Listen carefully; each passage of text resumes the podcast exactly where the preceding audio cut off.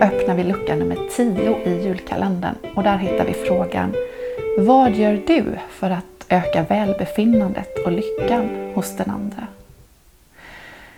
Det förebyggande arbetet i lågaffektivt bemötande det handlar ju till stor del om att skapa ett bra utgångsläge för personen. Ett utgångsläge som präglas av lugn, stabilitet, välmående och lycka. Och detta i sig blir ju en motståndskraft när livet sedan blir stressigt och belastande. Och sen är det ju också så att vi har alla rätt till ett gott liv. Och när man ansvarar för någon annan människas liv, delar av hens liv, då kan man ju aktivt behöva arbeta med de komponenterna som blir personens goda liv, som ökar personens lycka. Och ett verktyg i det arbetet, det är PERMA-modellen. Det är psykolog Martin Seligmans modell. Och PERMA, det står för positiva emotioner. Alltså stunder där man ser att personen är glad, nöjd och lycklig.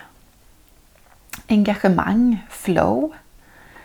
Aktiviteter som eh, gör att man glömmer både tid och rum. Goda relationer. Relationer som är viktiga för personen. Meningsfulla aktiviteter. Aktiviteter som personen inte vill vara utan, som betyder någonting. Och att uppnå saker och ting. De stunder när personen lyckas bli klar, bli färdig med både stort och smått. Och det är de här fem komponenterna som eh, tillsammans ökar lyckan hos oss. Och när vi har dessa delar i vårt liv, det är då vi säger Jo, men jag har det bra. Jag har ett gott liv. Jag är lycklig. Och när man arbetar med permamodellen då kartlägger man de här olika komponenterna, situationerna och så försöker man öka sådana stunder. Så frågan till dig är Vad gör du för att öka välmåendet och lyckan hos den andra?